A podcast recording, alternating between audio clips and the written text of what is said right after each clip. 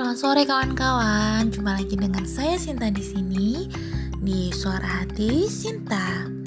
Hari ini kita pembelajaran sinkronus. Kita bertemu dengan Ibu Ida. Pada waktu pertemuan, kita melakukan ice breaking terlebih dahulu. Seru banget. Dan setelah itu, kita melihat tugas kelompok yang telah kita buat, yaitu tentang video, bad and best practices, dan juga tentang analisa isu dan dihubungkan kepada manajemen ASN, WOG, dan juga pelayanan publik.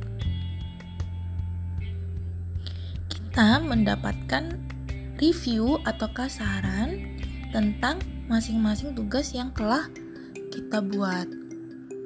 Saran itu sangat bagus dan bisa membangun kita dan lebih memahami apa sih sebenarnya maknanya seperti itu.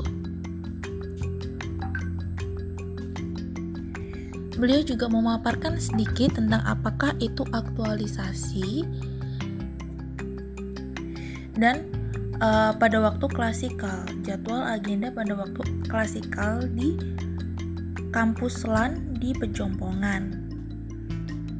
Sepertinya seru, nggak sabar buat untuk klasikal nantinya.